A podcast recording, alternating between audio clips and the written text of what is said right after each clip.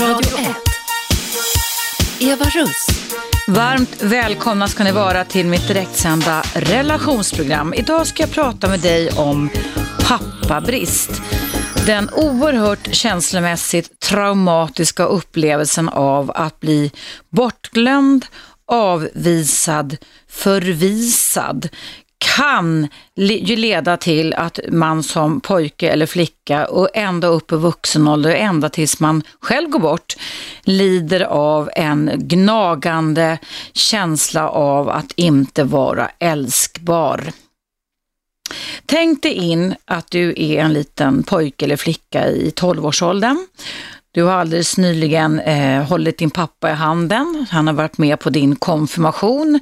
Släkten, den är inte jättestor, men släkten har varit där och det är det här sedvanliga kaffekalaset som man har efteråt och du som tolvåring känner dig stolt och fin och vuxen, även fast man inte är det riktigt ändå. Eh, du känner dig trygg och säker. Mamma är där, pappa är där, faster och moster och mormor och morfar och så vidare. En vecka efter denna, för dig då, vändpunkt i livet som ändå här i Sverige ska upplevas som någon slags rit till att du är på väg att bli vuxen, så försvinner din pappa och kommer aldrig mer tillbaka igen.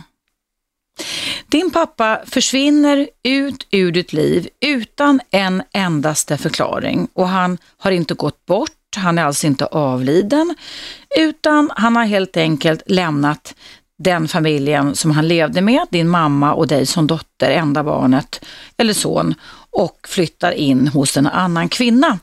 Och efter det så får du aldrig någonsin mer se pappa i ögonen, hålla i hans varma hand, få den där varma kramen. Mm. Det här hände faktiskt min egen mamma Gun-Britt när hon var 12 år ung. Vi pratar då i och för sig 40-tal, min mamma är född 33. Eh, men hon har, eh, blev lämnad av sin pappa som flyttade in hos en annan kvinna utan någon slags förvarning så som min mamma i alla fall upplevde det. Och jag skulle vilja säga det då att våra mamma lever fortfarande. Hon sitter på ett sjukhem och har drabbats av demens, alltså Alzheimer tyvärr. Men hon var en fantastisk mamma när hon eh, fungerade, en riktigt bullbakande, känslomässigt närvarande mamma. Men vi, vi barn kunde märka att det fanns hos henne drag av en ganska stark sorgsenhet av att pappa pappan försvann ut ur hennes liv och aldrig mer kom tillbaka. Det fanns en längtan, det fanns någon slags tvivel kring hennes eget värde. Eh, där hon eh, ibland förringade det, ibland nästan gjorde roliga historier kring det. Men jag kan ju äldre jag blir förstå den här smärtan som min mamma kände. Och det värsta i min mammas liv, det var då att den, henne, alltså min morfar som jag då aldrig har träffat, att han flyttade då längs tunnelbanelinjen som fanns då tre stationer bort och eh, gifte om sig med en kvinna som hette Alma. Och när vi växte upp, när jag växte upp, jag och mina syskon, så hade vi då eh, en farmor, farfar som var död när vi föddes och en farmor. Men vi hade, ah, vi hade en mormor, men vi undrade ju lite sådär, fanns det ingen morfar också? Och vi fick ingen förklaring då när vi var små till vad som hade hänt. Eh, sen när vi blev stora så berättade mamma om detta och då skedde faktiskt det att hon en dag eh, blev kontaktad av eh, Almas, eh, vad ska man säga, gode man, någonting sånt där. För då hade hennes biologiska pappa avlidit och kvar fanns då den kvinnan som min mammas pappa, som min morfar, hade flyttat ihop med utan att säga farväl, utan att efter den dagen bry sig ett enda skvatt om min mamma. Hon var 12 år gammal då. Och det ledde faktiskt våra mamma till att hon fick en slags relation till en kvinna som liksom tog över pappa, eller som han valde att leva med. Och hon var med henne liksom till slutet och fick till och med ärva vissa saker. Eh, jag vet bland annat en gammal päls som jag och mina syskon klippte sönder eller använde och sen några bilder från sin pappa. Men som sagt, den här traumat att, att eh, hennes pappa gick ut ur livet på henne har alltså påverkat henne livet ut. Och det är ju inte bara flickor som blir påverkade utan att det är även pojkar givetvis som blir det. Och jag har ju mött i mitt arbete som psykolog och psykoterapeut massor med människor som har både varit mina klienter och människor som är mina vänner och så vidare, som också har kunnat vittna om samma smärta. Den att man har haft en relation med en av sina föräldrar kan givetvis gälla mamma också. Men nu pratar jag om pappabrist eftersom jag är av den bestämda åsikten att det är betydligt fler pappor än mammor som eh, klipper banden med sina barn. Jag tror att det här har lite med evolutionens krafter att göra där de som är experter på det här hävdar att fortfarande skulle det möjligtvis vara så, fast det är omedvetna inre processer, att mannens uppgift är att se till att föröka sig så mycket som möjligt, medan vår uppgift som kvinnor skulle vara att vi skulle ta hand om avkommen och se till att de skyddas och överlever och blir stora och starka så de i sin tur kan skaffa nya ungar. Hur som helst är det så, det är rent statistiskt så också, att det är betydligt fler pappor och mammor som lämnar sina barn och aldrig kommer tillbaka. Eh, sen kan det också vara så givetvis att mammans kärlek någonstans, i alla fall kan man uppleva, känns att den alltid finns där, att man alltid räknar med den, trots att den givetvis kan vara lite komplicerad och det kan vara mycket tjat och sådana saker. Och jag har själv upplevt mig också hört andra eh, beskriva det som att pappas kärlek, det är någonting som man måste försöka vinna. Jag säger inte att det är så, men jag vill höra dina upplevelser kring det här. Och man kan ju ha en, uppleva en pappabrist trots att pappan har funnits med i familjen under hela uppväxten. Jag själv har upplevt en pappabrist på grund av att min, alltså min far lever fortfarande, han är 85 år nu, på grund av att han var en hårt arbetande, eh, frånvarande pappa på 60-talet när jag växte upp, men också en känslomässigt frånvarande pappa. Eh, det tycker jag att jag har präglats av och det har också påverkat min självkänsla och självbild och säkerligen haft ett finger med i spelet i mina partnerval som ju inte alltid varit så smarta om man kan säga så. Jag fick det första liksom ultimata beviset på att pappa var stolt över mig. Och vet du hur gammal jag var då? Jo, jag var 43 år gammal när jag sprang mitt första maraton i Stockholm 1999. Och det var för att min pappa, eller jag har alltid hållit igång och tränat, men min pappa hade då sprungit flera stycken också.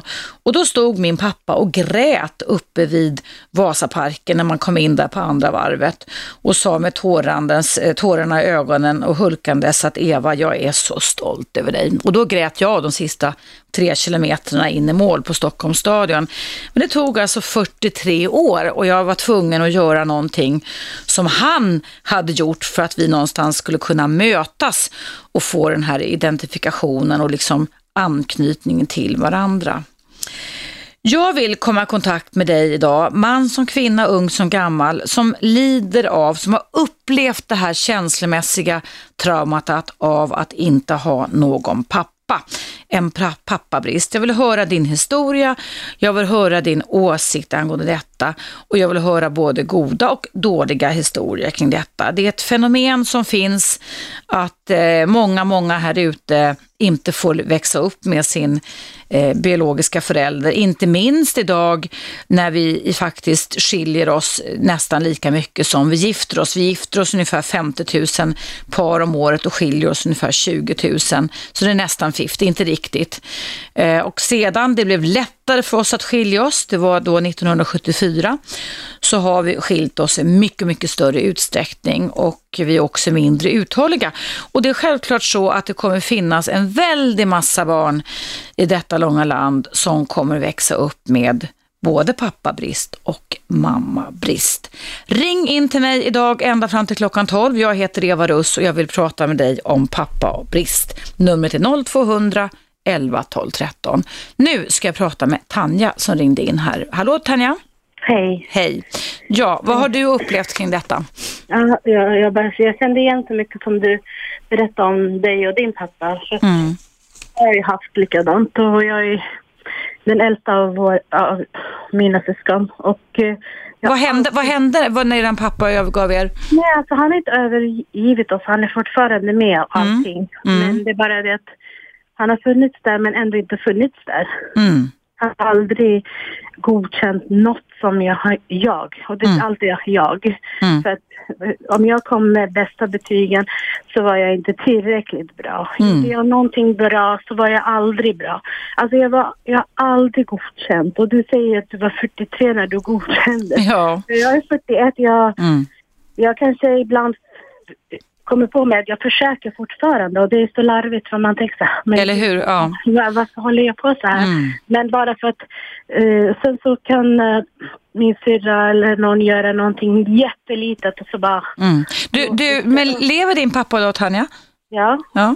Har du pratat någonting med honom om det här? Är det möjligt? Ja, jag, har- jag, har ju, jag har ju gett honom exempel så framför, men du vet han vill bara inte lyssna. Det, Nej. det, Nej. jag ju, folk har ju stått bredvid och han har ju visat helt så här öppet. Mm. Jag bara, men titta nu, titta nu hur det eh, såg ut. Och, och, och då bara, no, du vet, ingen, ingen vill godkänna Mm. mig. Mm. Inte ens morsan, de bara står där liksom och spelar sådär. Så, som, du fick lite mammabrist också tycker du under din uppväxt? Jag ska inte säga det, men min mamma har alltid varit där. Men ändå har hon varit försiktig liksom. Mm. Just i, i sådana tillfällen där man behövde henne så fanns hon väl inte kanske direkt. Mm. Mm. Och det har ju gjort så att, som du säger, valet av ens ma, män och man och, och liksom hur, hur man är. Man kanske inte, om, om nu till exempel var min man inte är det bästa för mig, men ändå behåller jag honom för att jag vill verkligen inte att mina barn ska vara Nej, man kan bli lite osjälv, man kan bli lite beroende att stanna kvar kanske i vissa relationer har jag sett. Inte hos min mamma men hos andra. Ja. för deras skull, för att jag vill Mm. inte att de ska ha pappa. Och sen märker jag att pappa, okej han jobbar väldigt mycket också och är borta. Men när Mm. han väl finns där då ser jag till, jag tvingar fram en sån här liksom situation. Mm.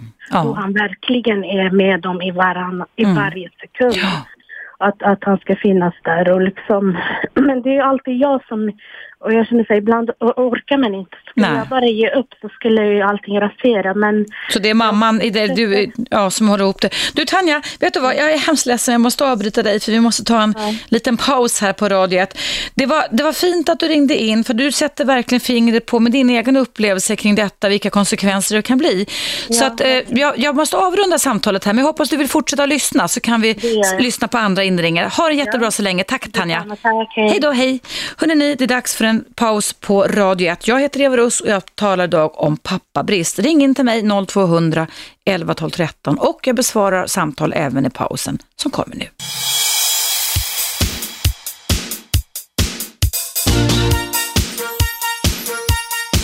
Radio 1.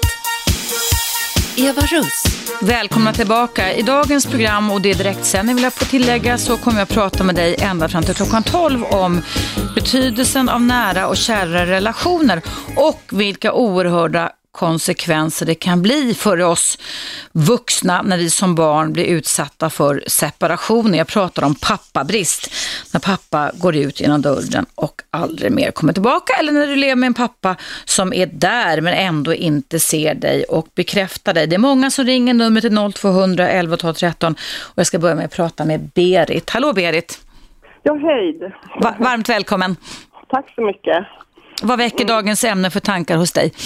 Eh, ja, jag undrar liksom, eftersom min pappa lämnade mamma mig när jag var fem år, jag är född 42, Mm. 1942 alltså, jag är över 70 år nu. Mm. Jag har varit gift tre gånger Mm. och har fyra barn. Mm. Eh, tre barn med den första mannen och ett barn med den andra mannen. Och Mm. den tredje blev det inga barn, som tur var. eh, och då undrar man liksom, eftersom jag inte haft någon pappa, hur eh, påverkar det mig genom att leta partner alltså? Det finns en ganska, jag har sett i egenskap av psykoterapeut att det finns två beteenden som har utkristalliserats. Det ena är den att man letar efter pappa omedvetet, alltså let, som du säger, leta efter partner, eller att man stannar kvar, precis som Tanja sa innan pausen, och kanske har en viss benägenhet lite mer än andra att bli lite mer medberoende i vissa relationer som man borde lämna. Mm.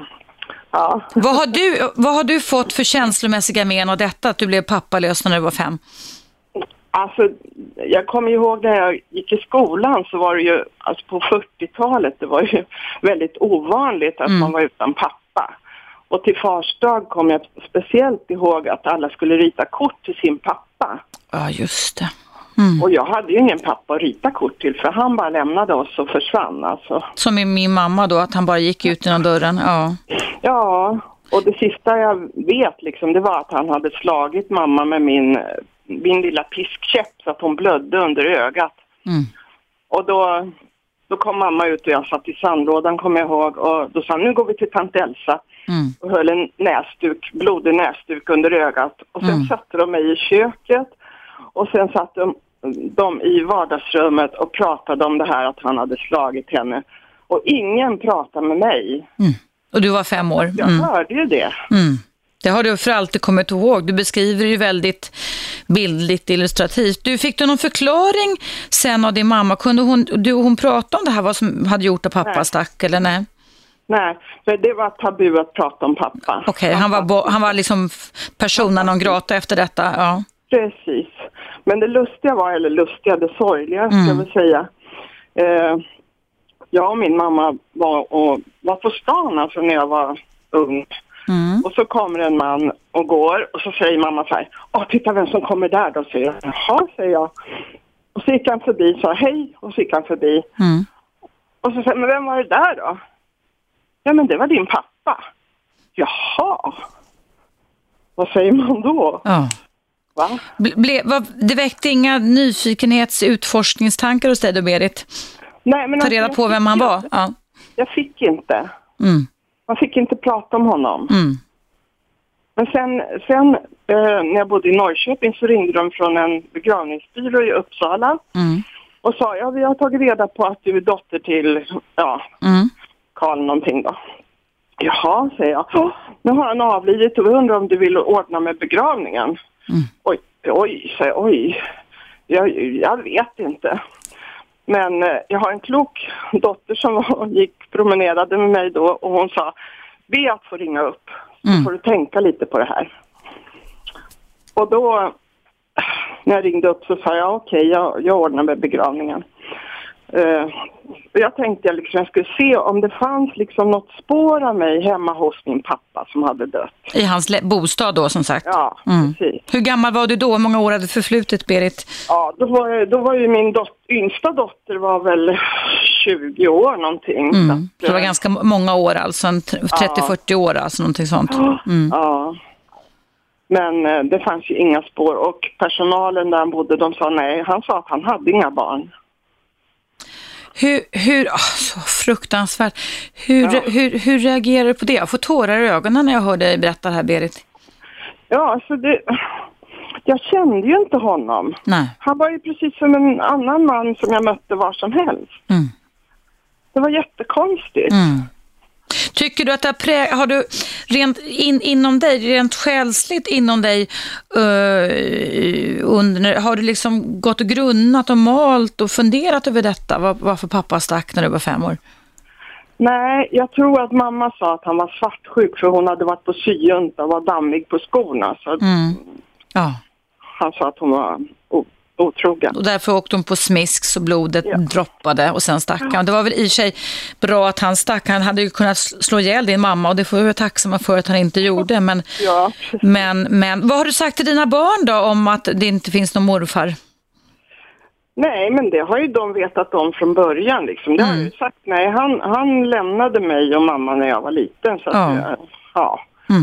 Så att det, nu har jag ju barnbarn också. Så att det, Mm. det är min stora glädje. Ja, håller med dig. det, alltså det roliga var också, eller roliga ska vi inte säga. Mm.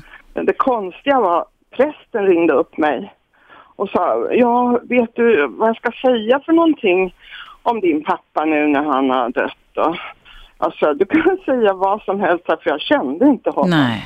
En väldigt, väldigt konstig, absurd situation så att säga. F fem år gammal, han har förnekat all kontakt med dig, han är inte ens på ålderns höst erkänt, om man säger så, som en del kan göra, att man blir lite mer gråtmild och man får lite dåligt samvete och så vidare, att han hade en dotter. Utan han ja. stod hårdnackat fast vid att du fanns inte. Det är ju en Nej. extrem kränkande förnekelse. Det måste du ju, ja. Det är mm. hemskt. Mm. Så när du, när du tog upp det här nu så började jag liksom, jag måste ringa. Ja. Jag måste ringa och tala om hur det var. Ja. Det var fint att du gjorde. Jag tror att det är många som kan, tyvärr kan vi säga, Berit, identifiera sig med det. Men ju mer vi pratar om saker och ting, desto lättare kanske vi kan få förstå saker och ting som händer i våra liv och vi kan dela våra upplevelser med varandra, är väl tanken. Absolut. Tusen tack Berit. Ha det jättebra fortsatt och lev med dina barn och barnbarn. Pussa dem allt vad du kan. Ja, det gör jag. Ja, bra. Ja, hej då. Hej, hej. Nu ska jag koppla in Johanna som har väntat en stund. Hallå Johanna. Ja, hej, hej. Eva. Välkommen. Jag kände du igen dig i det här med pappabrist och pappor som försvinner? Ja, eller? Mm. I, det, i det här fallet så var det alltså min mamma som vägrade att pappa skulle erkänna mig. Mm. Han var gift på sitt håll och hade en dotter. Mm. Och han levde, alltså han, min mamma var hans stora kärlek. Ja. Så jag är uppväxt med honom mycket närmare än vad eh, hans egen familj, hans dotter. Du menar att i tanken eller i, Nej, i verkligheten? I verkligheten? Ja. Hur såg det ut då? då? Att, att, att... Ja, alltså han var ju min mammas gode vän. Mm, ja, ja, fast han var, de var kära i varandra och han var gift alltså. Ja, mm. precis. Så att han bodde ihop med sin familj men mm. han var kolossalt mycket hemma hos oss. Men han er, vägrade att, ja, eller på min mammas uppdrag, han erkände aldrig mig. Jag har aldrig fått säga pappa, jag har aldrig haft den närheten till honom. Och, men du visste om Johanna att det var din pappa? Ja, mm. när jag var ungefär tio år, men det förträngde jag. Så att det dröjde väldigt många år innan jag kunde ta till mig det. Vad tycker du Johanna att det har fått för konsekvenser för dig? Att det blev så att du fick liksom ha pappa nära men du fick ändå inte känslomässigt komma nära eller kalla honom för pappa? Det har påverkat oerhört gentemot mina egna barn. Mm. Har du lust att stanna kvar Johanna över pausen och berätta lite? För jag tror att det är väldigt viktigt för många lyssnare att få höra hur det har påverkat dig och dina barn. Ja. Denna pappabrist. Ja. Är det okej? Okay? Ja, ja. Toppen. Så du, du, bara sitter kvar Johanna så fortsätter vårt samtal efter pausen. Ja, tack. Toppen, tack. Då ska jag säga till er lyssnare då att idag pratar jag då om pappa pappabrist. Det är oerhörda traumat som ni redan hör här när man som barn blir förvisad, förnekad, bortglömd, kränkt av att en förälder som man vill stå nära, har stått nära, eh, avviker och aldrig mer kommer tillbaka. Eh, jag ska fortsätta samtalet med Johanna som kommer berätta efter pausen vilka konsekvenser det fick för henne och hennes barn av att hon blev förvägrad att hennes pappa ens ville erkänna henne. Och om du vill eh, lyssna på detta så ska du stanna kvar. Du kan också ringa in och så får du vänta då efter att Johanna Smiths samtal är klart. Och då är numret till mig Eva Russ på radio 10200 11 12 13. Nu däremot är det dags för för en nyhetsuppdatering och lite annat på radio 1.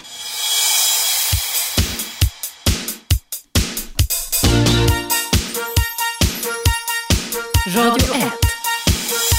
Eva Russ. Välkomna tillbaka. Ja, hur påverkar det oss att leva ett liv där vi har en förälder, en pappa i det här fallet, som eh, avviker ifrån oss? Eh, jag pratar om pappa pappabrist idag, vilka känslomässiga konsekvenser detta kan bli för många av er livet ut. Och jag ska fortsätta med ett samtal med Johanna som växte upp, kan man väl säga, med en pappa, Johanna, som du fick se men inte röra. Kan man säga så? Ja, det stämmer precis. Mm. Du, du växte upp med en pappa som var din mammas stora kärlek, men han var gift så han fick då vara god vän. Så du fick se men inte röra och inte komma känslomässigt nära honom. Ja, och även hans namn var dolt för mig. Mm.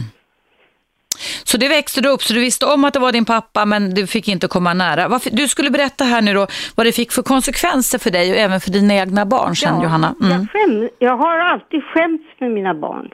Du har skämts? Alltså, mm. för, för, uh, inte över mina barn. Nej, nej jag förstår. För, för uh, för att, jag, att det var på det här viset. Jag har känt, eh, jag liksom kunde inte vara ärlig mot mina barn och, och, mina barn har inte fått reda på så mycket förrän min mamma var borta. Mm. Min pappa dog mycket tidigare. Mm.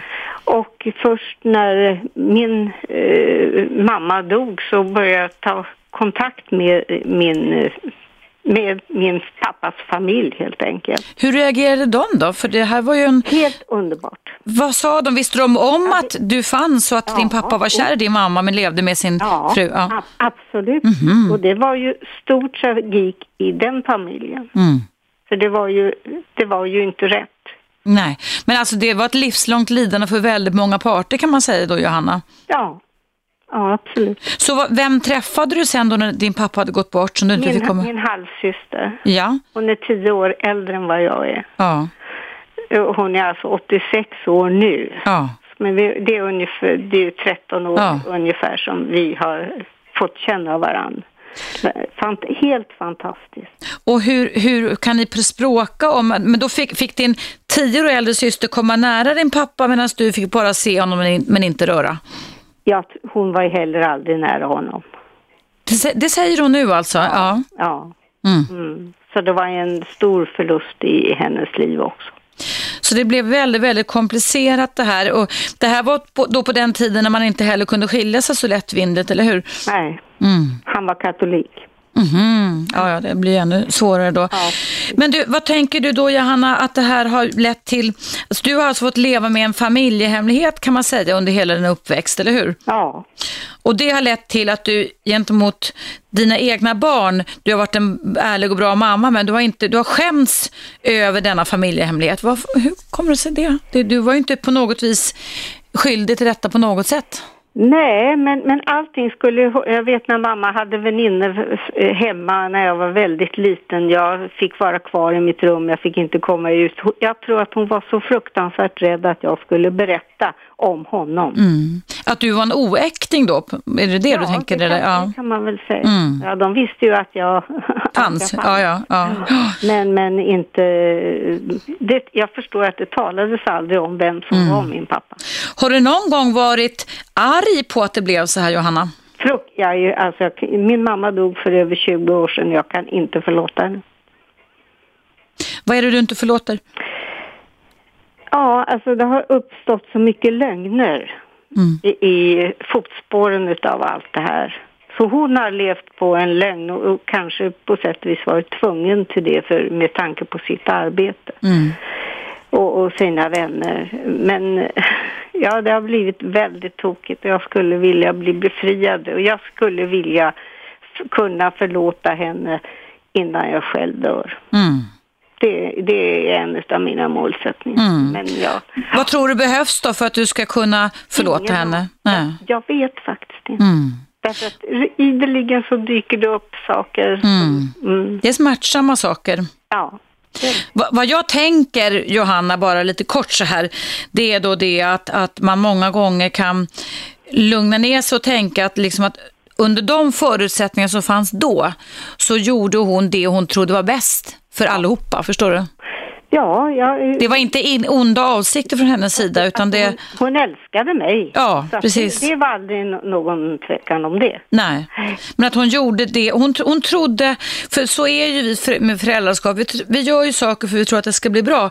Och sen får vi ju så småningom, många av oss i alla fall, ett facit att det inte det var så bra det som vi gjorde. va. Men att det inte var onda avsikter. Jag tror att det är viktigt att gå och suga lite på den karamellen eller tanken. Att det var inte onda avsikter va? Nej, det, det ska jag verkligen mm. Eh, ta till mig. Även om jag har förstått det så mm. när du säger det som är, är, är proffs så mm. är det lätt säkert lättare. Ja, du kan ju pr prova det i alla fall, eller hur? Men, men du, jag får fråga Johanna avslutningsvis. Du fick inga problem med att knyta an till någon man sen i ditt vuxna liv? Och Nej, så. jag har haft en sån otrolig tur. Så jag har gift med en man som verkligen står på min sida. Och mina barn, de har eh, fantastiska familjer och eh, hela familjer. Så jag är oändligt tacksam. Mm, vad roligt, vad härligt.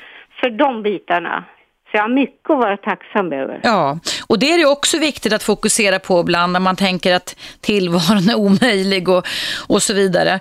Eh, vi pratar om, alltså när, om jag får fråga, du, när skedde detta? Alltså när, när, var det 40-tal du pratade om då eller är det? Jag är född 36. 36, ja just det, det, var precis, det var 50, 41, 1941 alltså som din pappa, eller när du var, när du var liten flicka alltså så att eh, när du började förstå det här i alla fall att du... Ja, jag fick ju reda på det när, mm. ungefär tio år, ja. men, jag och, vågade inte ta det till mig. Nej, och då var ju inställningen hittills den till ensamstående mammor grym. Ja, ja, ja, mm. ja det, det, har jag ju uh, verkligen förstått. Ja. Mm. Ja, där kan man se vad som kan hända när eh, det inte blir som man har tänkt sig. Och, och, man kunde ju inte heller skilja sig så lättvindigt på den tiden heller. Och han var katolik som du sa. Nej, Nej. Nej, och jag tror inte, min mamma hade nog inte tagit hand om honom lika bra som hans fru. Nej, nej. Men de två kvinnorna var alltså i hög grad medvetna om varandras existens och ja. din existens också. Ja, men det, det, visste jag inte förrän jag fick kontakt med min halvsyster. Just det. Mm.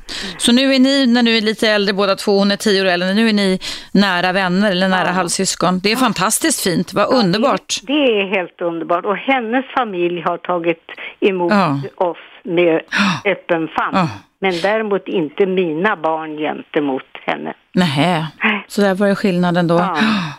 Det är lite som min mamma som aldrig såg sin, röken av sin pappa från det att han gick ut ur deras hem på 40-talet då. Hon är född 33 med mamma, alltså när hon var 12 år.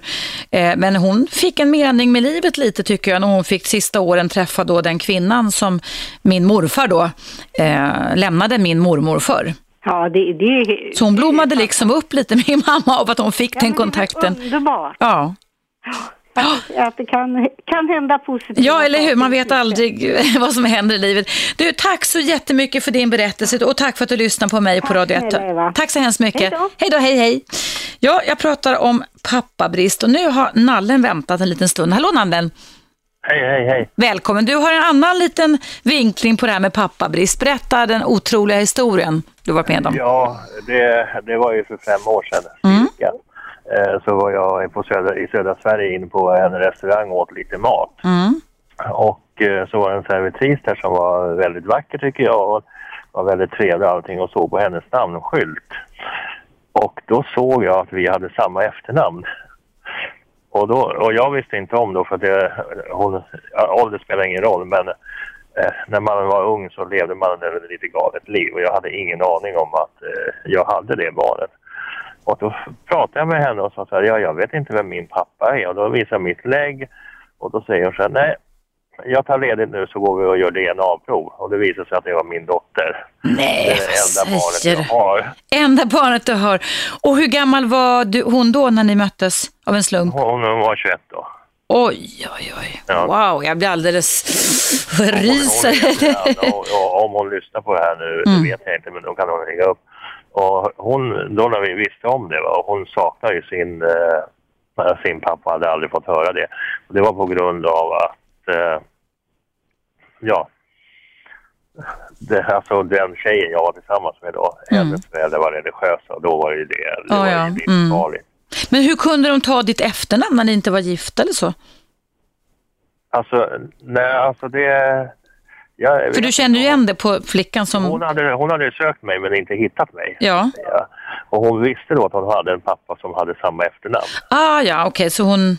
Hon hade inte hittat mig för det, mm. det var så hemligstämplat allting som okay. var jättesvårt. Mm. Och det var väl på grund av att jag då bodde, har bott utomlands och kört långtradare mellan mm. olika länder i hela mitt liv. Men du hade inte en susning om att du var pappa alltså? Nej, jag hade inte mm. en aning om det. Vad fick det för betydelse känslomässigt för dig, Nallen? Att du fick en dotter som du inte visste fanns och att hon hade letat efter dig? Ja, eftersom man eh, på grund av en olycka så kunde man inte få barn sen. Jag säger rakt upp, då blev jag impotent. Mm. Det var en trafikolycka. Oj då. Mm. Ja, och eh, då var man ju glad för man har ju alltid, ja, som man vill man ju ha en familj och barn och allting. Mm. Nu, nu har jag en fru då och hon var ju jätteglad.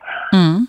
Då fick ju hon på sätt och vis ett barn också i familjen, den andra familjen. Hur, hur har ni relaterat till varandra efter detta möte? Hur länge sedan är det som du råkade träffa din dotter på ett fik i södra Sverige? Det är fem år sedan. Okej. Okay. Mm. Ja, vi umgås mycket nu och eh, min, eh, min nuvarande fru och ja. Och hennes mamma, din dotters mamma då, som inte ville berätta för dig eh, när ni hade rumlat runt där och ni var unga, så säga att, att du var pappa till henne. Hade hon gjort något försök eh, själv, din, alltså din dotters mamma, att söka upp det eller lämnade hon det till dottern istället?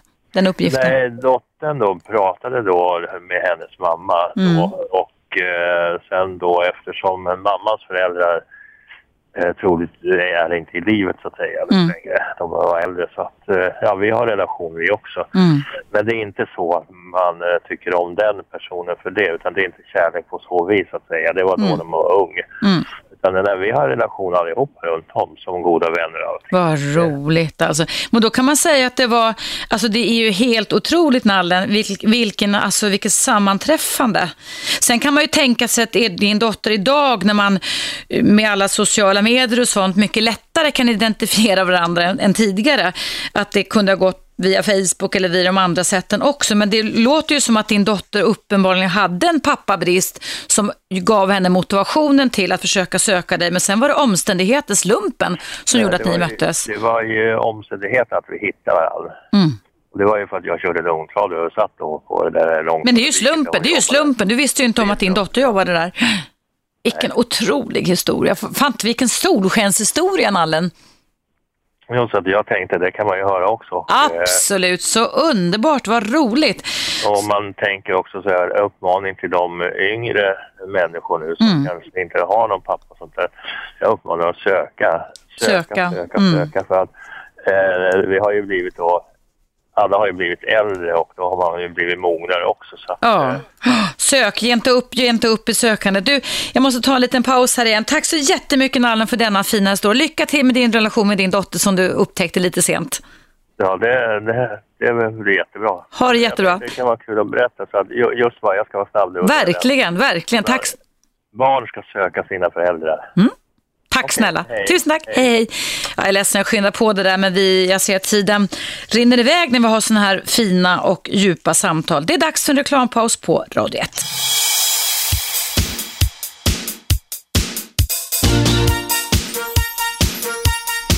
Radio 1. Eva Russ. Mycket välkomna tillbaka. Idag pratar jag om pappabrist. Det kan vara ett traumata som följer med dig livet ut när du blir av med en viktig nära relation. Jag ska snabbt läsa upp ett mejl från Sanna. Det står så här. Jag är en tjej, 34 år, lever med man och två barn. Pappas flicka, det var jag. Vi gjorde allt tillsammans. Jag älskade pappa så enormt och avgudade honom. När jag var 12 år skildes mina föräldrar i en smutsig skilsmässa. Där stod jag med tomma händer och ett brustet hjärta. Pappa slutade höra av sig trots att jag försökte ha en kontakt. Jag gav upp efter många år och vägen därifrån tills idag har varit lång och plågsam. Pappa dog tyvärr dagen efter min 25-årsdag. Då hade vi fått kontakt igen. Fruktansvärt för mig. Sanna skriver avslutningsvis, det har satt sina spår och idag tar jag ut min ilska och sorg genom att vara elak och göra dumma saker mot min sambo. Det säger Sanna. Det blir den inverkan för hennes del. Nu ska vi höra vad Hector, som jag inte pratat med på länge. Hej Hector! Ja, hej. Vad har du varit med om vad det gäller pa- pappabrist? Berätta. Eh, jo, jag föddes... Eh, ja, alla måste ha en pappa och mamma för att kunna födas. Mm. Men eh, ja, när jag föddes så fanns inte pappan där alltså. Nej. Och eh, jag växte upp med, eh, utan pappa. Mm. Och eh, först vid 36, jag var nog 35. Mm. Eh, först när mamma en vacker dag också fick en eh, ärlighetsanfall. Hon hann inte lägga ner sig och då Va, vad sa du att din mamma fick en, en, en är, ärlighetsanfall. ett ärlighetsanfall? Ja, det var ett ny, nytt begrepp. Det var ett bra ord tycker jag. Ärlighetsanfall. Mm. Ja, och då, då eh, började hon berätta om min pappa, vem min pappa var, var han bodde, hur han såg ut, hur gammal han var och patali patala. Eh, innan dess så kommer jag ihåg att jag kände mycket hat för min pappa. Trots att jag aldrig hade träffat honom. Och så kände jag sådär pappabrist och eh, du vet, när man föds utan pappa så var det ett land som Chile, Mm. eh, 60-talet. Eh, då blev man mycket mobbad och sådär. Och, liksom- För att du växte upp med en ensamstående mamma då, eller? Precis. Ja. precis. Det, var ju, det var ju fyllt liksom. Men du, vad sa din mamma som förklaring till att din pappa inte fanns? Alltså, hon under sa aldrig att han inte fanns. Nej. Hon bara sa att han förtjänar inte att, att eh, förtjänar inte dig alltså. Eh, Så att inte- hennes hat tog du över kan man säga? Ja, liksom, jag vet inte liksom, alltså mamman tog över papparollen alltså. Mm. Jo, men jag tänker, hon verkade ju vara ganska ha hatiskt inställd mot honom och du sa att du själv växte upp med hat, en känsla av hat sa du. Ja, precis. Alltså, Mm. hon, hon, hon, hon, hennes hat förmedlade hon över till mig. Ja. Och jag eh, tänkte inte längre en, en, eller jag såg inte längre min egen näsa. Och jag eh, tänkte likadant alltså. Mm. Jag tänkte aldrig på att han har aldrig fått möjlighet att ge sin version Mm. av, av händelserna. Vad hände sen då när du var 35-36 hektor? Ja, när jag var 35 då fick hon här, som sagt, den här ärlighetsanfall och eh, då, då fick jag massa information och helt plötsligt så väcktes den här, den här ja, viljan att träffa honom liksom. Mm. Så jag vet alltså, jag hade haft en styvfar som hade dött för några år innan. Jag tänkte jag har lidit för han, för han var en mycket snäll person alltså. Mm. Och då tänkte jag så jag har lidit och eh, sörjat honom som min pappa men jag har en levande pappa. Så det kanske är bra att ta kontakt med honom. Mm. Så jag åkte till Chile och letade efter honom och träffade honom. Mm. Och eh, han, eh, han var liksom, en, han hade en, ny- en kvinna liksom sådär så. Och så sen efter några dagar så träffades vi och så började vi träffa varandra och ja, lärde känna varandra. Visste han om din existens Hector då? Han eh, sa att han eh, visste om det, men problemet låg i att han var gift. Okej. Mm. Och då, han kunde, han sa så här, jag visste att du fanns, men jag kunde inte ta hand om det eftersom jag var en gift man. Mm.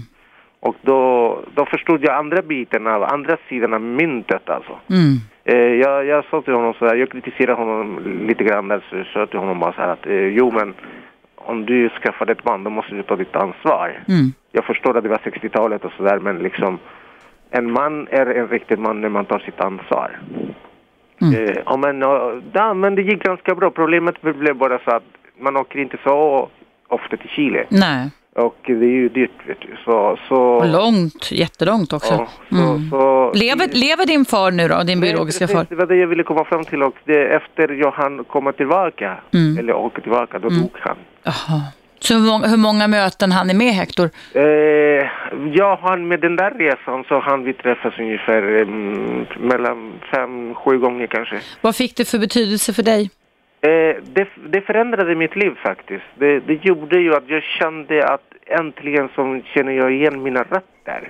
Mm. Innan dess så kände jag mig som en man utan rötter. Mm. Eh, vad, vad, vem, vad kommer jag ifrån? Var kommer min DNA ifrån? Vad är mina gener? Var, var kommer de ifrån? Så. Då fick jag helt plötsligt veta att jag är halvspanjor. Mm. Eh, alltså jag har... Halvchilenare och halvspanjor. Ja, Mm. typ så för att min, ma, min far, hans, eller min farfar var spanjor. Mm. Det fick jag veta då. Eh, och- Har du ägnat dig åt någon släkt efterforskning sen då, efter detta? Nej, jag har faktiskt inte, jag har faktiskt inte hållit på sådär. Jag vet bara att jag har släkt här i Sverige i Tyresö. Mhm. Och jag träffade henne en gång i Chile också. Då Mm. kom hon till mig ja, egentligen så är det moster, eller faster alltså. Mm. Men du Hector, vad har det fått för betydelse för dig i din relation till din mor? Att hon sparade liksom på 35 år av ditt liv innan hon fick, som du uttryckte det, ett ärlighetsanfall. Ja. Eh, alltså, jag pratade med, alltså om jag ska vara helt ärlig, efter att jag träffade min pappa, då befann jag mig i ungefär i ett årsperiod i, ett, i, i en konstigt, jag vet inte vad man ska kalla det för. Eh, eh, eh, Jag vet inte, jag upplevde en konstig känsla. Mm. Jag, jag tänkte så här, har jag drömt om den här? Eller är det sant? Mm. Jag visste inte, jag befann mig i en gråzon där. Jag visste inte hur jag skulle tolka. Jag, jag befann mig som i en fantasi liksom. Är det sant eller är det inte sant? Så det var en konstig känsla. Efter den perioden så tog jag en gång mamman och sa till henne, Hörru, du, du ska få veta att nu är jag 36 år eller 37 och eh, det som har hänt har hänt. Jag kan inte förändra det. Mm. Hur mycket jag än skriker, gapar, eller även om jag skulle hata dig så kan jag inte förändra det som mm. händer. Men du ska veta att jag är tacksam. Du har tagit hand om mig, eh, du har varit en god mamma och den här att jag lärde känna min pappa, även om du hatar honom, så förändrar det inte min kärlek till dig mm. som mamma. Så det blev inga komplikationer mellan dig och din mor när hon fick sitt ärlighetsanfall som du uttrycker Hector och berättade? Ja, precis. Alltså, I början så blev jag lite sådär... Eh, det förstår jag. Du, blir, du vet inte riktigt vad, hur förvirrad som man kunna kalla det för, eller hur? Ja, hur, hur, ska man, du känna, hur ska du tänka kring det hela? Det, man, man ställer känslor mot känslor, mm. olika känslor mot känslor och man vet inte riktigt vad man ska göra. Mm. Eh, just vid det ögonblicket alltså. Men sen när man mognar liksom eh, mm. situationen, mm. Då, då, då, tänker man sådär, ja men det, man, man, ska plocka det positiva mm. situationen. Mm. Man ska, jag tycker inte man ska leva det förflutna. Ty, ty, tycker du avslutningsvis att det var viktigt för dig, nu när din pappa har gått bort ur Chile, men ändå att få se vem han var, höra honom, alltså att det gav det ditt liv någon mening tycker du? Jo, självklart alltså. Det, det, det ägde rum en, en förändring alltså. Det, att känna, att veta vem som är pappan eller mamman och veta liksom var jag kommer ifrån. Det, det, det öppnar en massa dörrar liksom. Man, man har så många frågetecken mm. innan dess liksom. Man vet ingenting om Nej. vem man är. Nej. Så det var en viktig aspekt. Du Hector, tack så jättemycket för din berättelse. Tack, tack själv, varsågod. Tack så hemskt mycket för att jag hörde, hörde dig igen. Det var länge sedan jag hörde, hörde dig ja, på radion här. Jag hör dig varje dag men du hör inte. Nej, jag hör inte det. ha det jättebra. Hector, tack ska du ha. Hej då, hej hej. hej. Hörrni, det är dags för en nyhetsuppdatering. Du lyssnar på Eva Russ på Radio 1, frekvensen 101,9 och numret in till mig om du vill prata om dina tankar och känslomässiga upplevelser kring pappabrist är 0200 11 12 13 och vi kan prata om pappabrist ända fram till klockan 12 idag.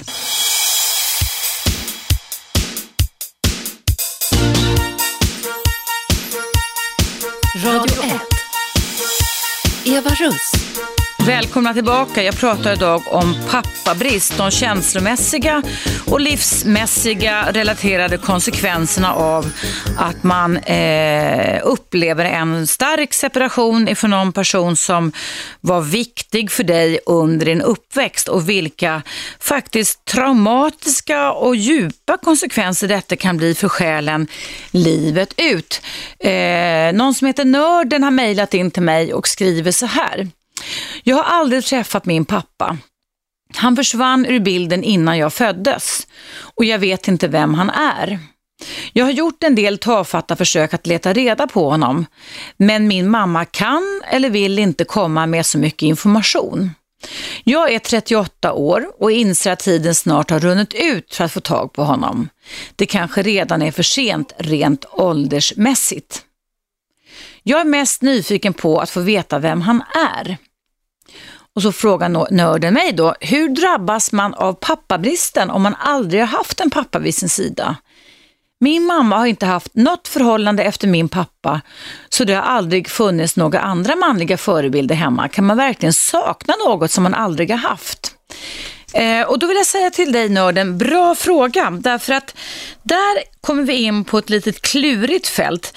Därför att det som är Problemet för oss människor och som vi inte pallar med, det är separationer. Alltså att vi kommer nära någon, knyter an och sen blir av med den relationen. Alltså relationer är viktiga, de är livsnödvändiga och de är också exklusiva när vi pratar om de här nära relationerna.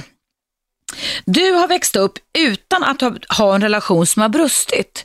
Och det ger inte alls samma typ av, eller inte alls den typen av känslomässiga sår, sorg, saknad, ledsamhet, hat, ja alla dessa typer av känslor vi kan uppleva när vi går igenom en separation.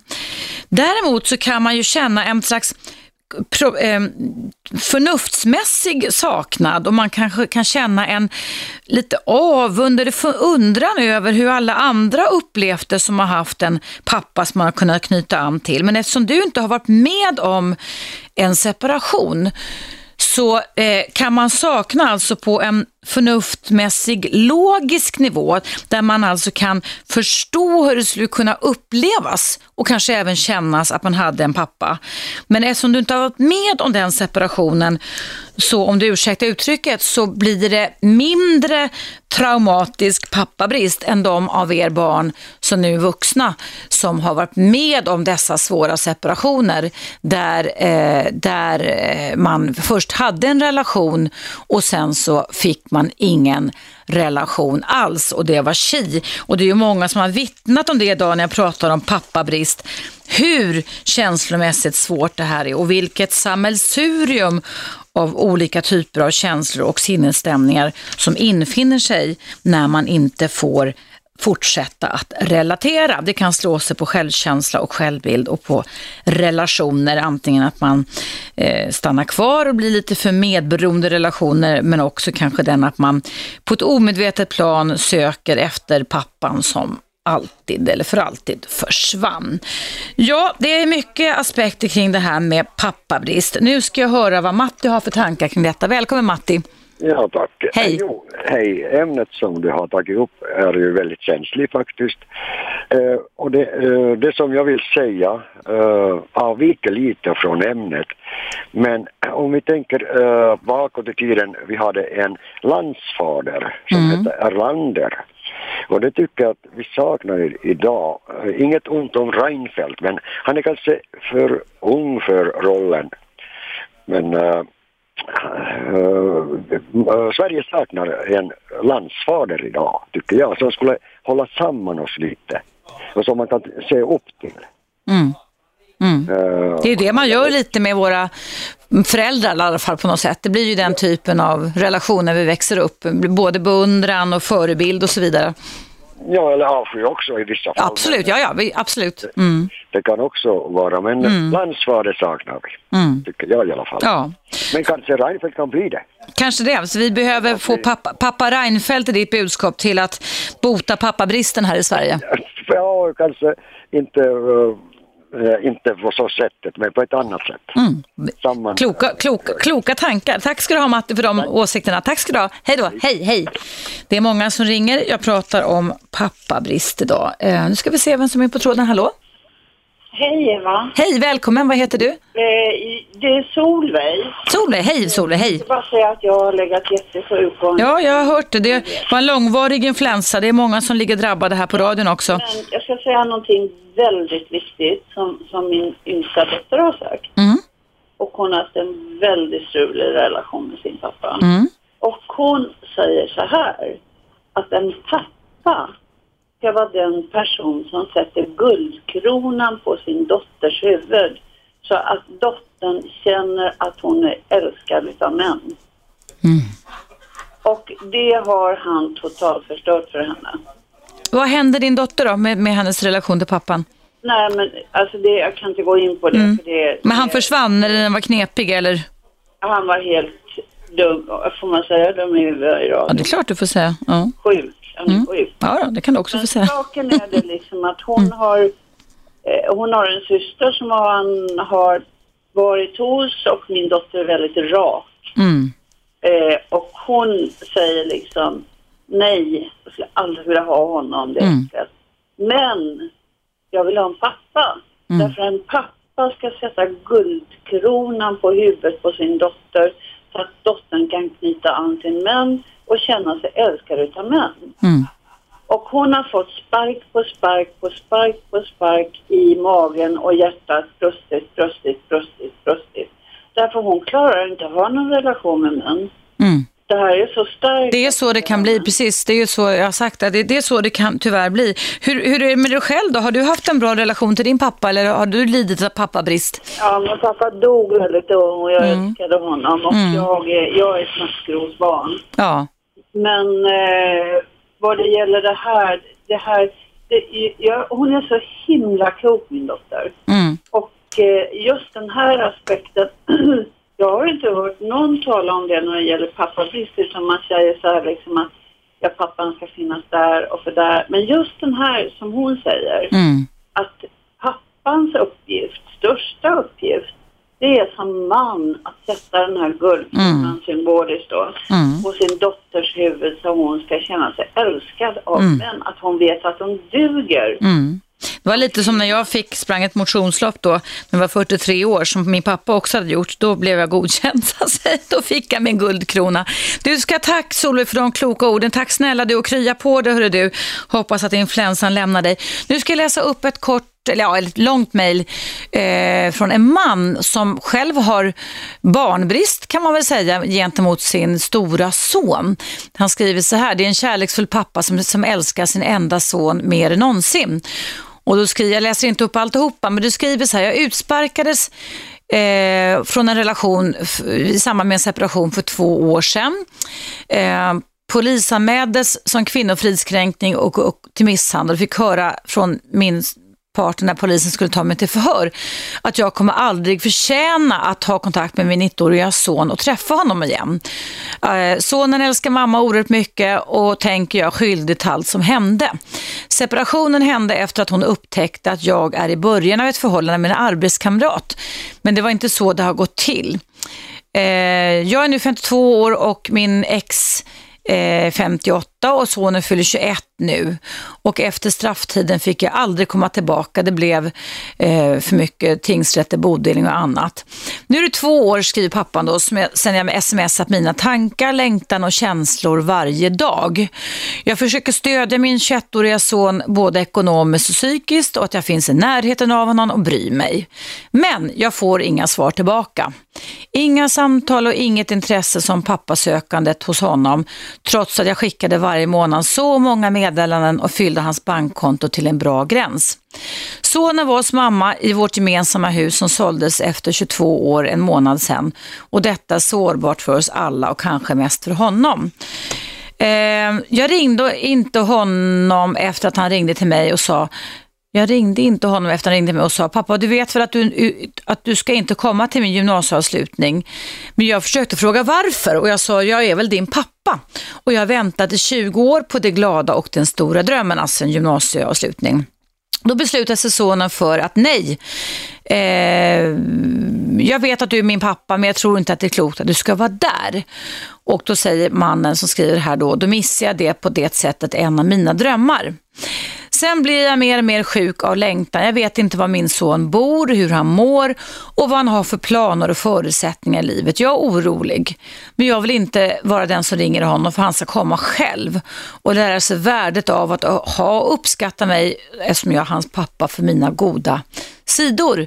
Han är påverkad av mammas situation och prak bakom min rygg eh, och känner mig som en svartmålad pappa. Men jag vill ha kontakt med min son på ett bra sätt. Hjälp mig Eva, tack.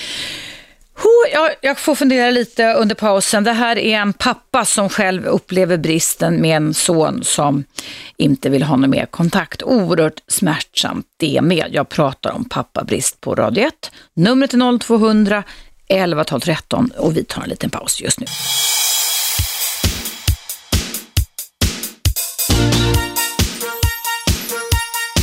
Radio 1. Eva Russ.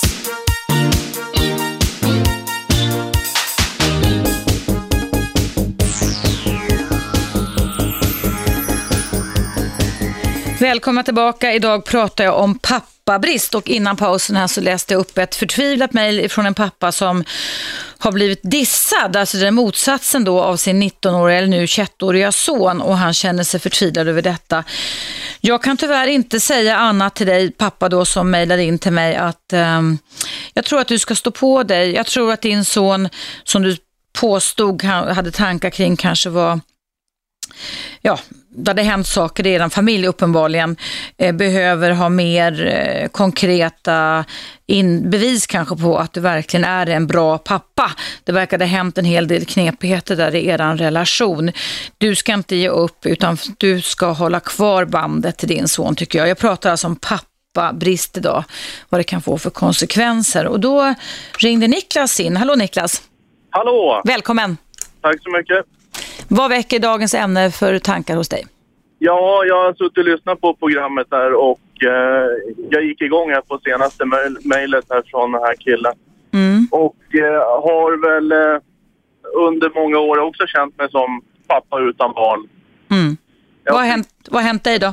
Jag fick en son för lite drygt fyra år sedan och eh, det har varit en, en ständig kamp från, från dag ett.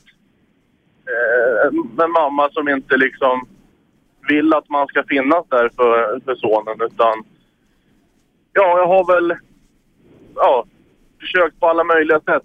Och hade ni någon relation överhuvudtaget du och mamman till sonen? Ja, det, det var väl en väldigt kortvarig men eh, sen precis eh, när beskedet om att hon var gravid kom så ja, då, då var det tack och hej ungefär. Det var som att hon, hon ville ha ett barn men det var inte så noga vem, vem det var som, Aj då, aj som var pappa till. Mm. Och eh, det har ju varit en, en ständig kamp för, för att eh, komma dit som vi är idag. idag då. Vi, vi träffas ju, är väl vad, vad många kallar för helgpappa. Ett, ett uttryck som jag avskyr över allt annat. För jag vill, jag vill ju eh, ha och vara med honom precis lika mycket Mm. som... Ja. som För, men men din, din son, förstår han att du, du är pappa i alla fall? Det gör han, fyra år gammal. Ja, absolut. Han, Mm. han, han vill ju inget annat än att vara hos mig och, och ja, det här med separationer som, som eh, ämnet har behandlat. Det är varje gång han, han ska till mamman så då, då vill han ju inte. Det är jobbigt för småbarn. Det är jobbigt för han, han vill ha båda, eller barnen vill ha båda, skulle jag vilja säga. Men du, idag är det ju så eh, vanligt att man dömer till delad vårdnad. Har det inte blivit så för er del? Ja, det, har, det, har ju, det fick jag driva igenom i, i tingsrätten. Jag har provat med familjerätten men där får man ju inget gehör alls. Utan jag är så förbaskat trött på det här systemet och att eh, bara för att man är mamma och kvinna då, då har man massa förtur och rättigheter som, som eh, ja, Mm. vi, vi män helt enkelt står utanför. Jag kan, hon kan flytta till Haparanda om hon vill och jag kan inte göra ett skit åt det. Hon Mm. har flyttat eh, ungen, eh, eller min son Sander, och till, till andra dagis och eh, hon har flyttat och inte meddelat utan det är sånt man har fått reda på efterhand. Och, Mm. ja, Tråkigt. Det är tyvärr ganska vanligt det du beskriver det scenariot med. Ehm, man kan säga som så, nu förstår jag att du älskar din son överallt och nu finns han som en liten pojke, men, men där får ni herrar tänka er för när ni har sex med kvinnor och oskyddat sex och att verkligen tänka er för, för där har ju kvinnan en väldig makt, va? eller hur? Alltså om hon blir gravid. det kan man säga. Mm. Och man kan väl säga att ja, nu har jag gjort mitt på den fronten. Ja, menar du att du ska inte skaffa fler barn? Är det så du tänker? Ja, jag, han har en halvbror också som, som eh, ja, jag älskar precis lika mycket som, som mitt första barn. Mm. Så att, eh, Som är ditt barn alltså, eller? ja, precis. Mm. Nu, nu känner jag att jag har eh, avklarat det Du området. har klarat av det området, och, ja. och, och, och gör allt för att ha en så god kontakt och relation med, med mitt första barn som jag inte bor med lika mycket. Då. Mm. Och sen fortsätta kämpa för denna lilla pojke. Det är bra att du gör det tycker jag Niklas. Det är värdefullt. Det kommer han att uppskatta när han är stor. Det tror jag absolut. Och, eh, ja, jag tar det lite, eh, lite stegvis. Jättebra. Vara, får vara lite taktisk. Ja, jättebra Niklas. Jag håller verkligen tummarna för att det går vägen. Ge inte upp hoppet och tappa inte kontakten. Och jag hoppas på den här killen som, som skrev in mejlet. Mm. Att, han, att han inte ger upp. Det, det, jag tror att han, han kommer nog tids nog. Ja, det tror jag också. Det brukar oftast vara så i alla fall. Vi får hoppas det i alla fall. Ja. Tack för din berättelse Niklas och lycka till. Jag hoppas relationen utvecklas ännu mer med lilla fyraåriga pojken. Tack så mycket. Hej, hej. Hörrni, jag pratar om eh, pappabrist idag och det är ju nu två samtal och ett mejl här som handlar om motsatsen, att man är pappa men får inte vara pappa, att man utsätts för pappabrist, ska man säga, att man inte får vara det. Eh, vad har du för erfarenheter av det här? Eller att växa upp då med en brist av en pappa som inte finns, som du har en gång relaterat till, men sen är det kemi-kontakterna. Ring in till mig Numret är 0200 11 12 13 och jag kan säga att det ringer på alla kanaler just nu här. Vi ska se vem som finns på tråden. Hallå? Hej! Hej, vad heter du? Eva? Ja, det var väl praktiskt också. Då, då kommer jag ihåg ditt namn hur lätt som helst. Bra. Jag tänkte bara fråga, du som kan det här med lite lagar och förordningar. När Niklas nu berättade att eh, hon kan flytta till Haparanda och byta chicken och tjocken och skola, Mm. förskola, allt vad det är. Det kan omöjligt stämma om de har delad vårdnad. Han måste skriva på. Hon måste be om lov. Okej, då, då kan du lagar bättre än vad jag kan, för där är jag lite insnöad, lite inte så uppdaterad. Eh, ja, om man har delad vårdnad så, så måste man göra det. Men sen har man ju hört talas, Eva, om case där ena eller andra parten tar ungarna och drar och så skiter i alla lagar och förordningar och alla avtal. Och att det sen tar en väldig tid i tingsrätt och familjerätt att få en lösning på det här. Ja, det är märkligt för att hon ska inte ens få möjligheten Mm. att sticka ifrån eh, utan att pappan har skrivit under att det är okej. När du har delad vårdnad, ja. Ja, och gör hon det, kommer de överens om det, så får hon faktiskt gå för halva kostnaden till och med när barnet ska överlämnas, patetiskt på en parkeringsplats. ja. Ja. Så att hon kommer inte undan så enkelt. Det Mm. Okej. där bör han ta reda på. Det får han Jag ta att du lyssnar här. Jättebra. Nej, men kanonbra. Jag hoppas att Niklas fortsätter att lyssna. Tack, tack för de råden Eva. Tack så du ha. Hej, hej. hej, hej. Ska vi se vilka som ringer in mer här. Hallå? Vem finns på tråden? Jaha, då var det Niklas här igen. Hej Niklas, du hörde vad Eva sa till dig. Ja, och det där stämmer ju som hon säger. ja. Men eh, tyvärr så funkar det inte i praktiken. Nej, för det är det jag, det jag sa att jag har hört och när jag själv var barnpsykiatrisk chef för tio år sedan drygt så vet jag att, att många mammor, men det kan ju även gälla pappor, sket det där och gjorde som de ville ändå. Det var väl det du menade Niklas, eller? Ja, jag har fått papper från kommunen och eh, ja, som jag inte har skrivit på. Varför jag inte tänker skriva på Ja. det för att eh, jag, jag tycker liksom inte, så här gör man inte. Nej. Man, man, när man har, visst, man kan flytta en gång, men när man flyttar två, tre gånger och Mm. kanske mer än så, då, då någonstans får man ju dra i handbromsen. Mm. Eh, Så att i praktiken så kan man, man kan göra lite som man vill. Man kan flytta till Haparanda och eh, det att man eh, har någon slags, eh, ja, man, man kommer inte överens riktigt, då går man oftast på, på mammans linje. Så att, eh, ja, jag, har, jag har ju fått sådana här papper som jag ska skriva under, men eh, det har jag inte gjort. Nej. Eh, och då går ju det här igenom automatiskt genom att då säger mamman att ja, att vi kommer inte överens, att vi, ja, ja, vi ligger i tvist eller något Mm. sånt där. Då, då, då dömer de till, ja, till moderns fördel. För Okej, ja. Okej, då fick vi lite klarhet i detta. Det är ju hemskt hur det funkar, måste jag verkligen säga. Men jag känner till det också, eh, från min tid i alla fall nu, när mina barn, inte, jag har inte varit med om det, men när mina barns kompisar, alltså deras föräldrar skilde sig och det var den här typen av problem. Och det läser man ju till och med om i tidningarna nästan dagligen om att det blir sådana här eh, scenarier där eh, även om lagen säger en sak så säger verkligheten en annan, eller hur? Ja, det borde vara lite Mm. mer på, på samma villkor faktiskt. Det, det, bo- istället för att man ska kämpa för att få träffa sitt barn så borde det vara liksom eh, lika regler från början och är det så att någon inte är lämplig, ja, då tycker jag att då borde man ju få kämpa för att han inte, eller hon inte ska ha barn Mm. för att han inte är lämplig. Mm. Men eh, man måste ju ändå utgå ifrån att, eh, att man är lämplig tycker jag. Mm, absolut, absolut. Okej, tack så jättemycket Niklas för ditt andra samtal. Du är varmt välkommen att ringa igen. Ja, hej då. Hej, hej. Hej. Hörrni, jag pratar idag om pappabrist. Jag har ett mejl från Katrin här. Det står så här. Jag har en fråga till dig angående min pojkväns pappa som lämnade honom vid 16 års ålder. Allt jag vet är att hans pappa började sova på soffan och försvann sen på semester och kom aldrig mer tillbaka. Jag ska fortsätta att läsa det här mejlet efter pausen som kommer nu och om du känner igen dig i den typen av scenario, någon som du har, alltså en pappa som du har levt nära och sen aldrig mer kom tillbaka, vilka konsekvenser det har fått för dig i ditt liv och även känslomässigt och relationsmässigt. Ring in till mig, numret är 0200 11 12 13. Pappa brist alltså.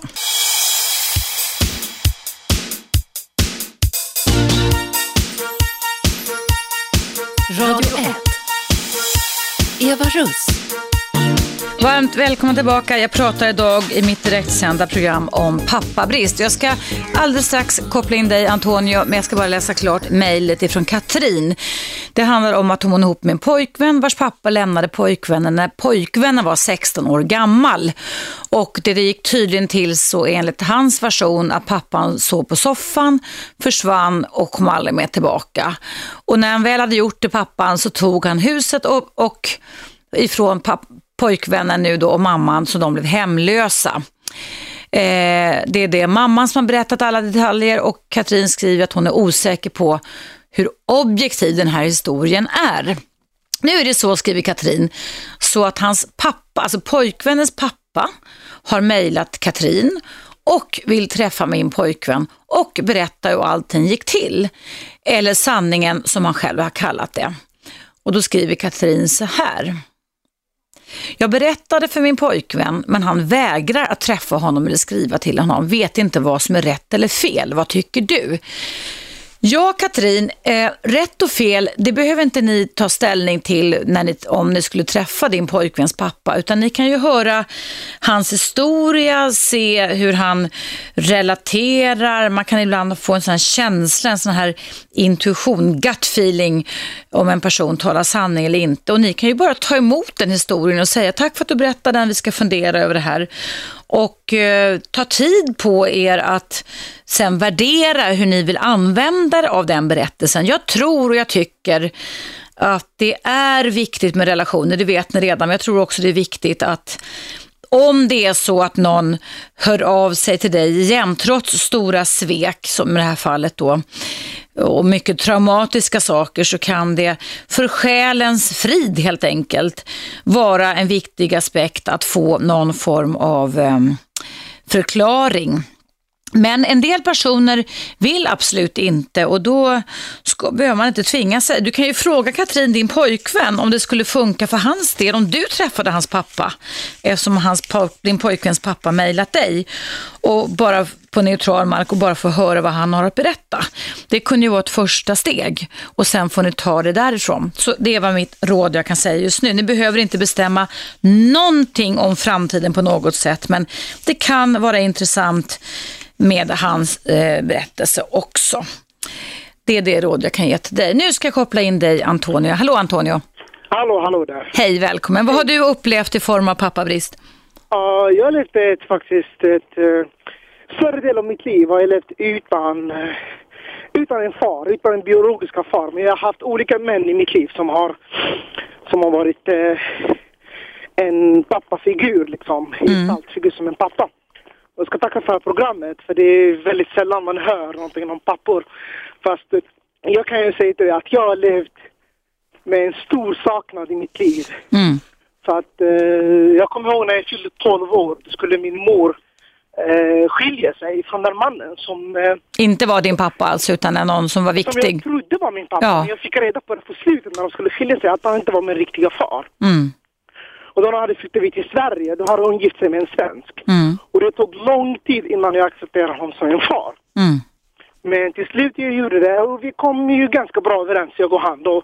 Och jag såg honom som en faderfigur.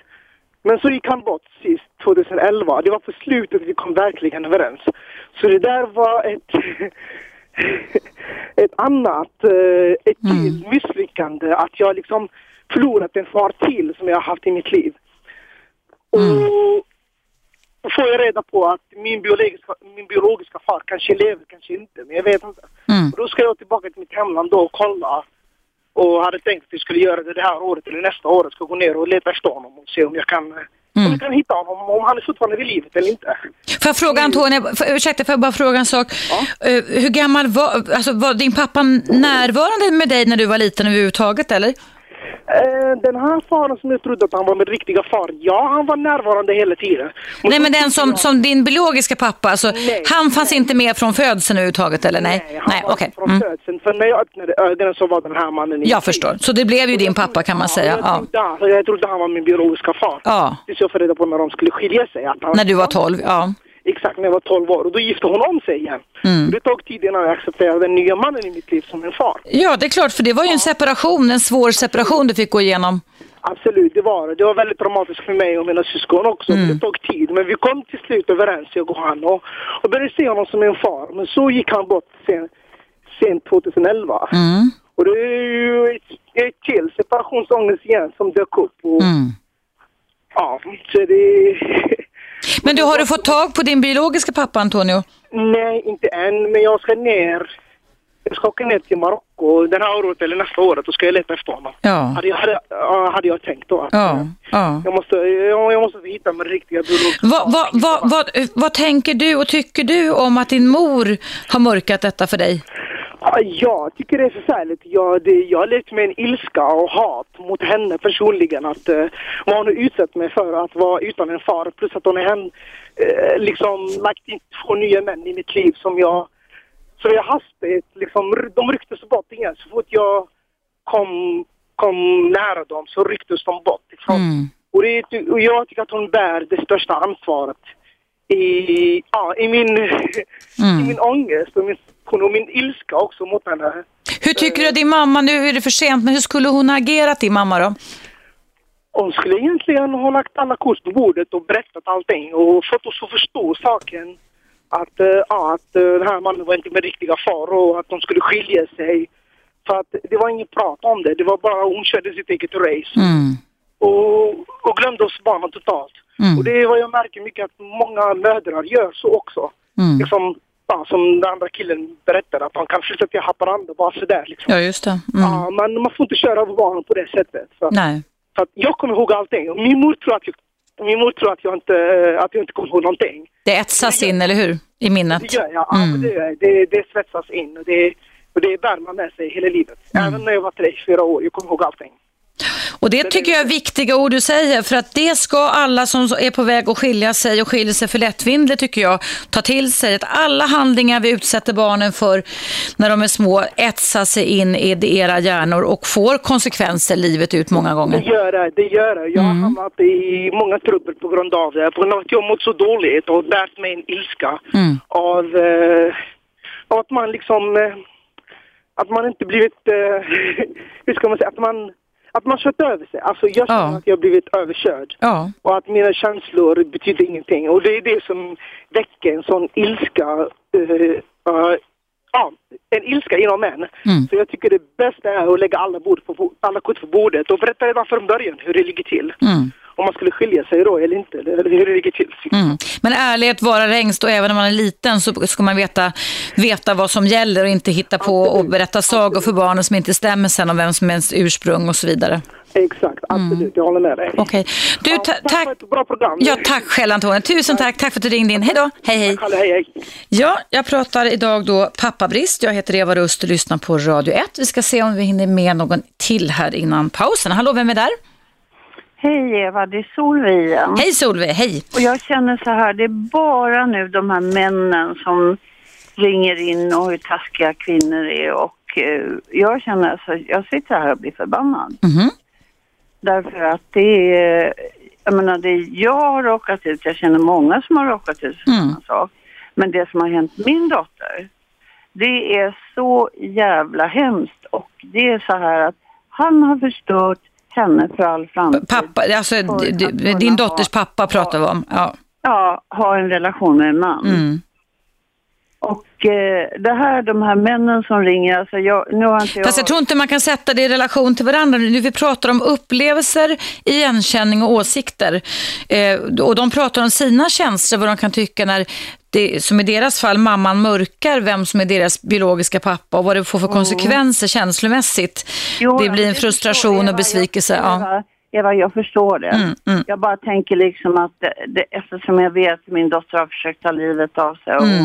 hon, så fort hon känner liksom så här att det är någon man som är på väg bort, hon är så Ja, intuitiv. hon är så känslig också. Mm. slår det här in i hennes hjärta och nu har hon en son. Mm.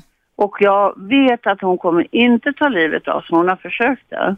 För att hon skulle aldrig lämna honom. Hur gammal är sonen? Han är 12 år. Mm. Och, eh, men hon har lidit alltså, kan om för det hela sitt liv utav det här. Mm. Det är, det är så det kan bli. Mm. Det är så det kan bli ett, ett livslångt lidande. Du Solveig, jag är hemskt ledsen. Jag måste än en gång avbryta oss. För det... Men Eva, kan Mm. du inte liksom säga, för det är en aspekt som är väldigt viktig för män att få veta vilken roll de har i barnens liv. Om de här papporna till sina döttrar Mm. måste förstå att de förstör döttrarnas framtid att ha en relation med en pappa. Mm. Men män, om de inte uppför sig så att de visar hur, hur kära de är. Mm. För att en män har det, är den viktigaste uppgiften en man har alltså. Mm. Det är att liksom höja eh, dottern till en sån grad att hon känner att hon är värd att älskas. Mm.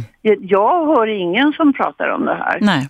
Vi efterlyser fler angående detta. Ja.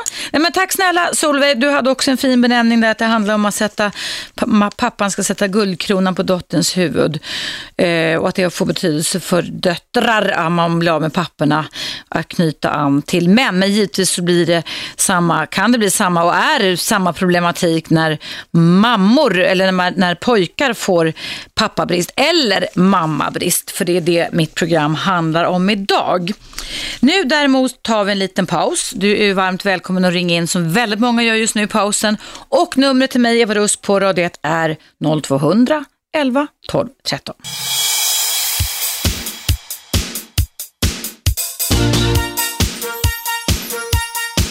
Radio 1. Eva Russ. Mycket välkomna tillbaka. Idag pratar jag om pappabrist och det verkar vara ett ämne som synnerligen är angeläget och engagerar väldigt många av er lyssnare. Och jag kan säga det när jag tar in Eva att Eh, om du kommer in sent i programmet så är detta direktsänd relationsradio och hela programmet har handlat om pappabrist.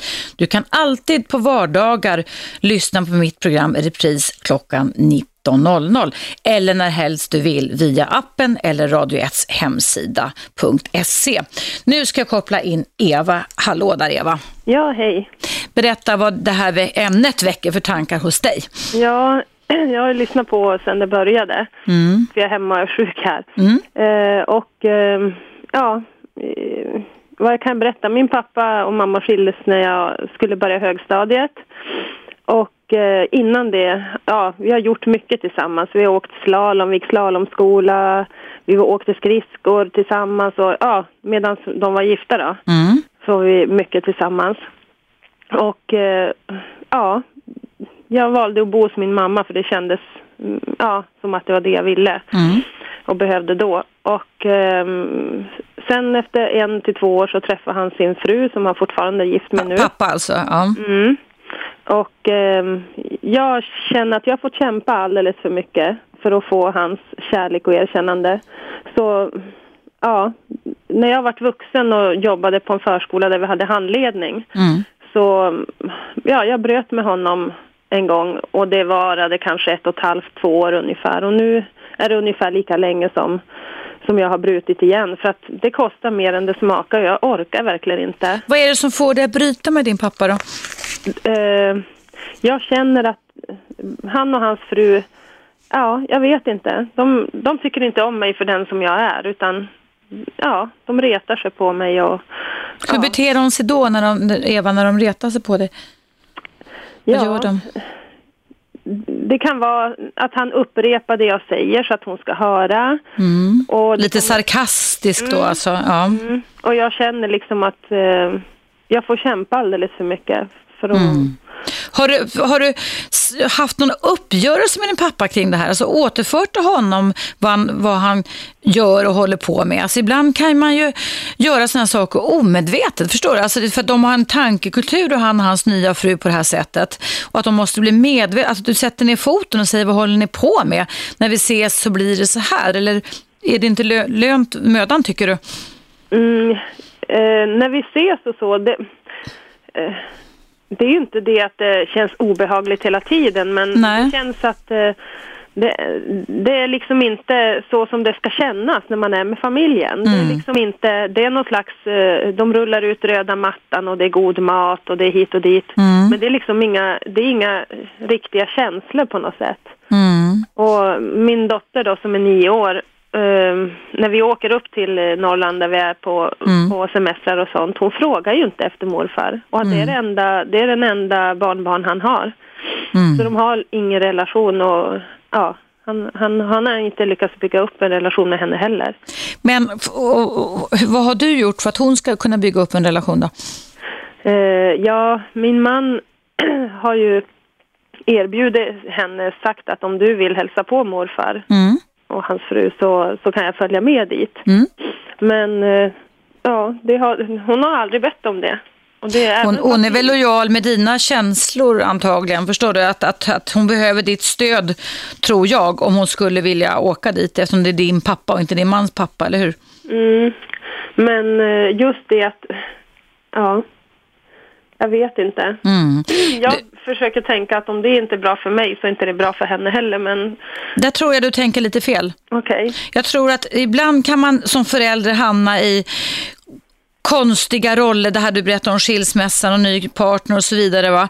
Så att man kan vara en, ursäkta uttryck, en dålig förälder till sina vuxna barn. Men ibland har jag sett fantastiska exempel på hur man kan bli en jättebra mor eller farförälder istället. Mm. Så att, Men som exempel, mm. för, förra sommaren var vi uppe i sex veckor och så ja. länge brukar vi aldrig vara där. Nej. Och min mamma och pappa bor några hundra meter ifrån varandra och han vet att vi har vårt basläge där. Han ja. sökte inte upp henne en enda gång och frågade om de kunde åka och fiska eller mm. ja, göra någonting tillsammans. Mm. Och han visste att vi var där. Mm. Då känner jag bara att han har haft alla chanser. Men sökte du upp honom? Alltså man kanske inte bara, alltså man kanske måste putta igång relationen på något sätt. Gjorde du någon ansats? Då hade du meddelat honom att ni var på väg upp dit och skulle ja, vara där så pass länge? Då. Vi hade kontakt. Alltså ni hade det? Okej, okay, så han visste, okej. Okay. Okej, okay ja, ja, ja. Det är jättesorgligt det där alltså. Det är jättesorgligt och det kan vara av vikt ändå att fundera lite över detta. Men jag tänker att jag, jag, tänker på det att det du beskriver om din pappa, det är också det här lite, alltså att, att man får ibland tänka när man är själv vuxen och föräldrarna är lite äldre, att de gör på sitt sätt och de gör så gott de kan. Mm. Så du säger att när de då rullar ut den här röda mattan, det är på det sättet han kan. För han har kanske både förändrats av din pappa i och med att de skildes när du var 12 år och blivit påverkad. Och det blir man ju då när man går in i en ny relation, eller hur? Med den personens, kvinnans värderingar och synsätt och så vidare. Mm.